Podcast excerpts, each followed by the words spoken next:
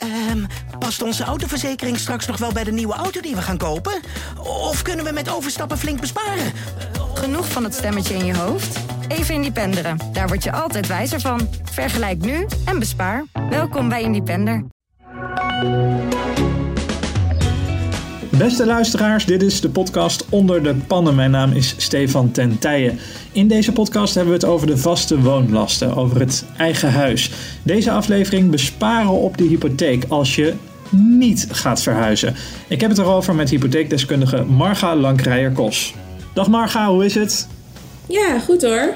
We zijn uh, druk uh, op de hypotheekmarkt, want uh, de huizenmarkt is natuurlijk heel erg hot op dit moment. Dus heel druk. Maar er worden minder huizen verkocht, toch? is dat nog niet te merken bij de hypotheekaanvragen? Nee, ja, het is, het is ook niet zo heel veel minder. Maar het, het, het, blijft bij ons in ieder geval heel erg druk. Um, en daarnaast zien we ook wel wat renteverhogingen. Wat, wat renteverhogingen? maakt. Ja, ja. en daar uh, uh, zijn mensen dan natuurlijk uh, meteen mee bezig. Als je op het punt staat een huis te kopen, of je hebt misschien zelfs al een huis gekocht en je hebt de hypotheekaanvraag al gedaan, maar je moet de offerte nog krijgen van de hypotheekverstrekker. ja, dan krap je jezelf even achter de oren als je een verhoging ziet. Waar, waar hebben we het over? Nou, het zijn sowieso de afgelopen twee weken, uh, twee, drie weken, zijn uh, de eerste verhogingen binnengekomen. Het zijn niet zulke flinke verhogingen. Dus het is echt wel een lichte stijging. Um, en dan hebben we het bijvoorbeeld met name over de langere rentevaste periodes. Dus als je kiest voor 15 of 20 jaar vast. Um, en bijvoorbeeld bij de 20 jaar vaste rente zien we dat de gemiddelde rente, dus over alle geldverstrekkers, ongeveer 0,15 uh, is uh, gestegen. En in principe is dat nog een lage stijging voor je. 0,15 in totaal? Ja, klopt. Oké, okay, dus uh, nou ja, dat, uh, dat, zijn, dat zijn echt wel uh, veranderingen. Waar komen, waar, waar, komen die ineens vandaan? Het, het is 0,015, sorry. Oh, 0,015. Ja, 0,015. Ik schrok, ik schrok eerlijk is... gezegd al een beetje, want ik ben zelf ook nog bezig met een hypotheek. Ja. uh, dus uh, 0,015, ja, ja, dat, dus zijn, dus eh, dat zijn echt minimale verschillen. Ja, klopt. En je ziet ook dat banken dat met 0,03, 0,04 uh, verhogen. Maar ze blijven, we zien al bijvoorbeeld eh, geldverstrekkers die dat meerdere keren hebben gedaan. Of op meerdere risicoklasses. Um, en inderdaad, die 0,015 op 20 jaar vast, dat scheelt ongeveer 3, 4 euro bruto in je maandlast per mm-hmm. maand als je een hypotheek van 3 ton hebt ongeveer. Dus dat is nog, zijn nog lage bedragen. Ja, en ook voor je maximale leencapaciteit maakt het dus nog niet heel veel uit.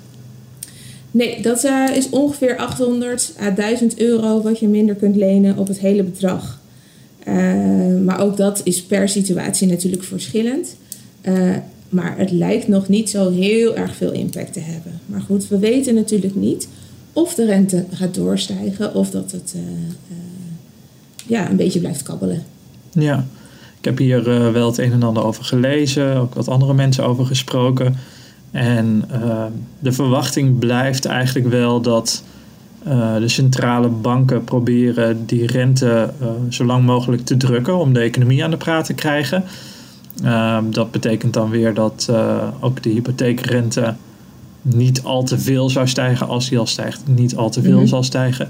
En een ander aspect uh, dat daarbij meehelpt, is dat er grote concurrentie is op de hypotheekmarkt. Hè. Er zijn echt meer dan 40 aanbieders tegenwoordig. Klopt. Veel beleggers die instappen uh, met investeringsfondsen in de hypotheekmarkt. En dus uh, ja, op die manier elkaar beconcurreren. En de makkelijkste manier is natuurlijk op het rentepercentage. Dus ook dat zou een reden zijn dat ehm, een hogere kapitaalmarktrente uh, niet direct leidt tot een hogere hypotheekrente. Nee, klopt. En uh, je ziet ook, uh, hij, was inderdaad een paar dagen aan het, aan het stijgen tot net boven nul, terwijl hij echt maanden onder de nul was. maar we, we, we, zagen hem de afgelopen dagen alweer wat afnemen. Dus het is ja, ik denk ook dat geldverstrekkers ook een beetje afwachten wat, wat die rente doet. Maar zeker zijn er genoeg geldverstrekkers in de markt en willen ze eigenlijk alle klanten die, er nu, die nu huizen kopen of oversluiten graag hebben. Ja, oké. Nou, waar, waar, waar we het nu over willen hebben is eigenlijk van wat doet dat rentepercentage met de mogelijke lasten van mensen die al een hypotheek hebben? Want die zouden dus, uh, als je al uh, een jaar of tien of misschien zelfs twintig in een huis woont, doe je er goed aan om te kijken of dat je kunt besparen op je hypotheek. zeg ik dat goed zo? Ja, kijk, als je eigenlijk kan als je langer dan drie jaar bijvoorbeeld in je woning woont, dan uh, kun je al daar inderdaad aan gaan denken. Er zijn een aantal mogelijkheden om te besparen op je hypotheeklasten. de eerste is oversluiten. En het oversluiten van de hypotheek is best wel wat werk. Hè? Je moet eigenlijk gewoon een nieuwe hypotheek afsluiten. maar daardoor ga je wel ineens naar de huidige actuele en lage rente toe. En dat is inderdaad voor mensen die al wat langer hun hypotheek hebben lopen, is dat vaak verstandig. Je moet natuurlijk wel even uitrekenen wat het verschil is in de rente die je nu betaalt en de rente die je zo meteen gaat betalen. En de kosten die je daarvoor moet maken. Of je dus die kosten kunt terugverdienen en dan ook nog het liefst binnen de ja, huidige rentevastperiode. Dus als die nog drie jaar loopt, moet je eigenlijk die kosten binnen drie jaar hebben terugverdiend. Nou, Want uh, er komt een boete om de hoek kijken. Op het moment dat je echt wil oversluiten voordat uh, ja, de eindperiode, dat duurt meestal, of eigenlijk altijd 30 jaar, toch? Ja, meestal 30 jaar, klopt. 30 jaar. Maar de, de dus- hypotheek loopt natuurlijk 30 jaar, alleen de rentevastperiode kan anders zijn. En daar op basis van de resterende rentevastperiode, daar op basis daarvan wordt de boete berekend. Mm En uh, die kunnen best uh, flink fors zijn. Hè? Ja, waar hebben, we, waar hebben we het over? Als je, als je uh, een paar jaar geleden pas je hypotheek hebt afgesloten en het is voor een periode van. nou, laat ik eigenlijk mezelf eens nemen. Ik heb ruim vijf jaar geleden hypotheek afgesloten. Ja. Die tien jaar vaststaat. Dus ik zit ja. nu op de helft van de rentevastperiode. Ja. Kan, kan, ik, kan ik al oversluiten, denk je? Je kan oversluiten, alleen uh, het ligt een beetje aan wat de rente nu is hè, bij, uh, van je huidige hypotheek. Ja, nu 1,95 procent. Ja. Dus het is al niet heel hoog, maar ja, nee. ik geloof dat uh, 10 jaar rente vast inmiddels op 1 procent zit of zo, toch? Ja, zo ongeveer wel. Um, dan heb je natuurlijk best wel duizend, wat duizenden euro's boeterente, maar ook kosten, want je moet natuurlijk weer afsluitkosten, advieskosten betalen. Hmm. Uh, je moet natuurlijk weer naar de notaris, je moet een taxatie laten maken. En al die kosten, dan vraag ik me af of het verschil in de rente voor jou uh, voldoende is. Kijk, als je nu 2,5 of 3 procent rente had gehad, dan denk ik dat je dat binnen die vijf jaar wel weer kan terugverdienen. Hmm. Um, maar het, ja, daarom zeg ik, de boeterentes kunnen best wel fors op, hè, hoog oplopen, 15, 20.000 euro. Of dat in jouw geval zo is, hè, dat is een complexe berekening, dus die kan ik niet zomaar uh, nee. aangeven. Maar ja, ik, ik denk vooral voor de mensen die met name boven de 2,5 zitten, uh, is het nu verstandig om eens te gaan kijken hoe, ja, wat het oversluiten voor ze gaat kosten. Ja, want laat ik die rekensom toch even bij mezelf neerleggen. Uh, Stel dat het 100 euro in de maand zou schelen aan rentelasten. Nou, dan ja. heb je het dus over 1200 euro per jaar. Uh, voor een periode van vijf jaar uh, is dat 6000 euro. Ja. Nou, dan moet je uh, dus, dus, dan moet je dus met je kosten voor het oversluiten onder die 6000 euro blijven. En dan is het op de langere termijn een goed besluit. Als het daarboven komt qua kosten, dan kun je hem beter laten staan. Ja, klopt. Ja. ja.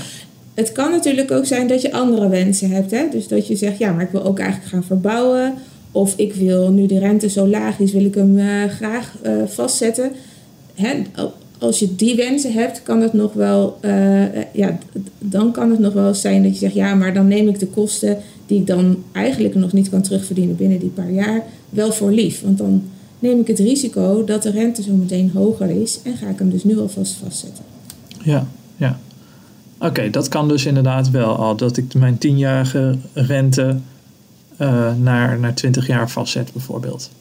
Uh, dat, dat kan, uh, maar nog moet je de kosten betalen. En dan moet je natuurlijk ja. zelf wel bereid zijn ja, van, om die kosten dus, dat je die kosten niet binnen die vijf jaar terugverdient. Maar ja, dan kies je er dus zelf voor om het risico te nemen om nu die 20 jaar vast te zetten. Maar als je dus wil oversluiten, heb je echt een hypotheekadviesgesprek nodig. Nee, dat heb je niet uh, per se nodig. Want we hebben natuurlijk heel veel mensen die al uh, een aantal keren hun hypotheek hebben afgesloten en, en overgesloten. En mensen die wel de hypotheekkennis hebben. En die kunnen zelfstandig de hypotheek afsluiten. Dat heet execution only. Uh, maar voor de meeste mensen is het wel verstandig om een adviseur te vragen. Mm -hmm. Want dan ja. wordt het helemaal voor je berekend wanneer je terugverdient, wat de lasten dan worden de komende 20 of 30 jaar. En dan krijg je daar gewoon uitgebreid advies over. Ja. Nu is het ook zo dat de huizenprijzen uh, enorm zijn gestegen de afgelopen jaren. Maar het afgelopen jaar zelfs nog meer dan uh, de jaren daarvoor. Het laatste cijfer komt uit april en is van CBS en het kadaster 11,3% hoger ja. dan een jaar geleden. Um, nou, dat geldt natuurlijk niet uh, voor alle huizen op individueel niveau. Dit zijn uh, gemiddelde. Maar toch uh, zegt het wel iets over de, de huizenprijsstijgingen. waarschijnlijk is je huis dus meer waard geworden als je een eigen huis hebt. Um, dat betekent dat mocht het getaxeerd worden, en dat doet natuurlijk de gemeente een beetje losjes met de WOZ. Maar je kunt daar ook een specialist, een makelaar voor, een taxateur voor inschakelen. kost meestal iets van 400, 500 euro geloof ik. En die kan dan ja, je woning taxeren. En stel nou dat die echt al nou ja, 30, 40 procent duurder is geworden in een paar jaar tijd. Dan kun je gewoon met je hypotheekverstrekker bellen of mailen en zeggen van, goh, ik heb eens gekeken en volgens mij is mijn huis meer waard geworden. Nou, soms vragen ze om bewijs. En dan kan het zomaar dat ze zeggen, oh nou, u hoeft minder geld te betalen. Toch? Ja, klopt.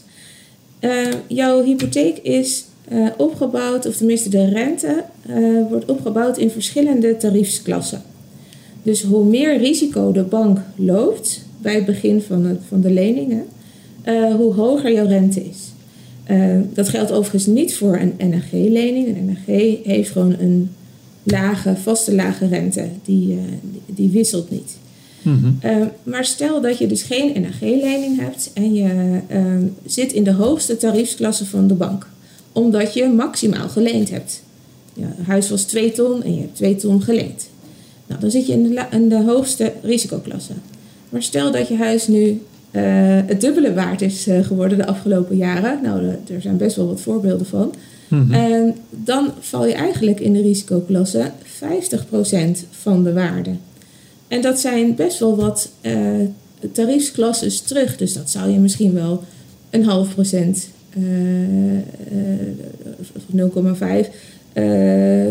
rentevoordeel op kunnen leveren. Wat weer nou ja, tientallen of honderden euro's voor jou per maand gaat schelen.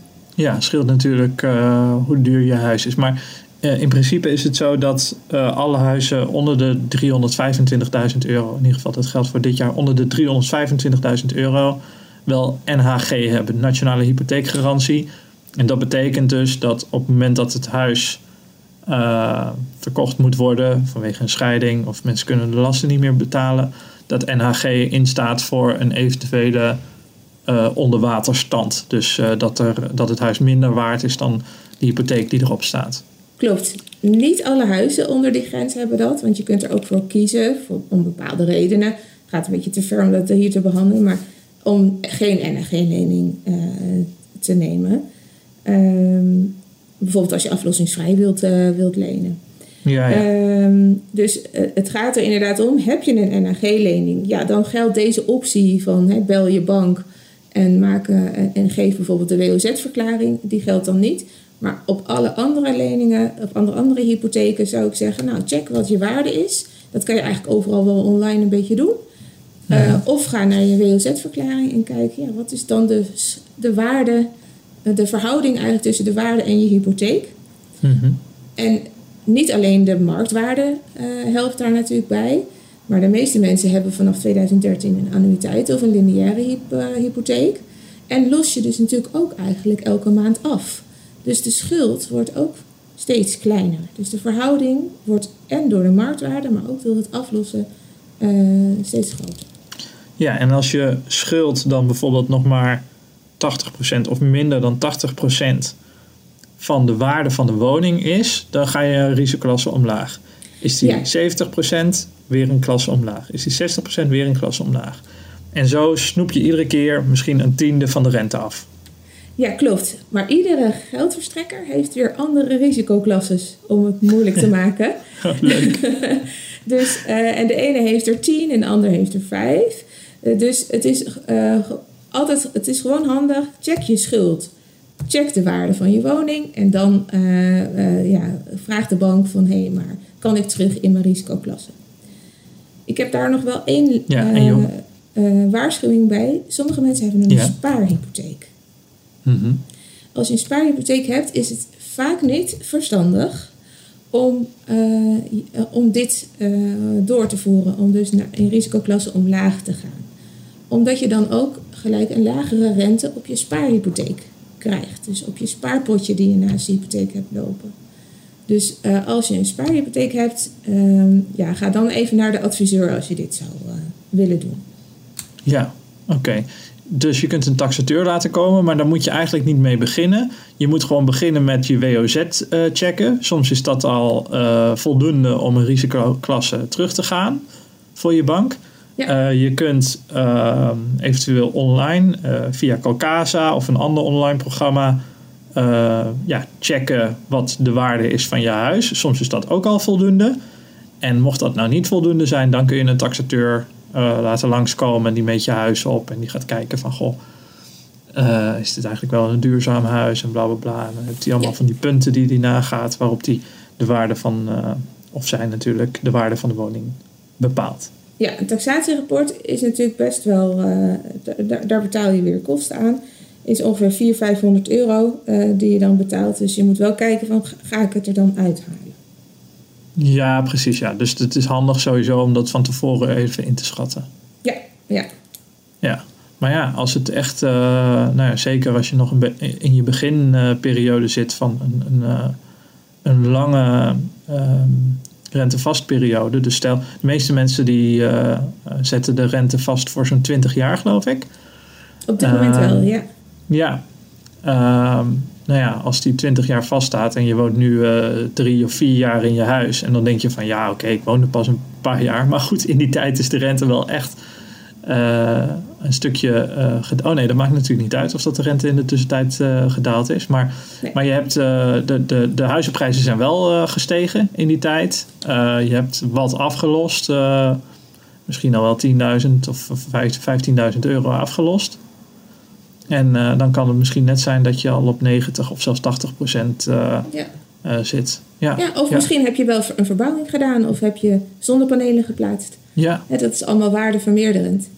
en, en inderdaad, dit is dan wel de makkelijkste manier om, om in maandlasten naar beneden te gaan. Goh, zonnepanelen, dat, daar had ik nog niet eens aan gedacht. Want dat doen natuurlijk ook heel veel mensen gewoon om te kijken van goh, hoeveel ga ik op de energierekening besparen. Maar je kunt dus ook kijken als ik zonnepanelen neem, hoeveel bespaar ik op de energierekening, maar ook hoeveel bespaar ik op de hypotheek. Als de waarde van de woning dan net zeg maar, boven die risicoklasse komt, uh, kun je ook op je hypotheek besparen, inderdaad. Ja. ja. Interessant. Nou, dankjewel uh, voor uh, dit korte college. maar het voelt ook een beetje als een hypotheekgesprek zo, dat is fijn. Goed zo. Graag gedaan in ieder geval. En tot de volgende keer. Jo, tot de volgende keer.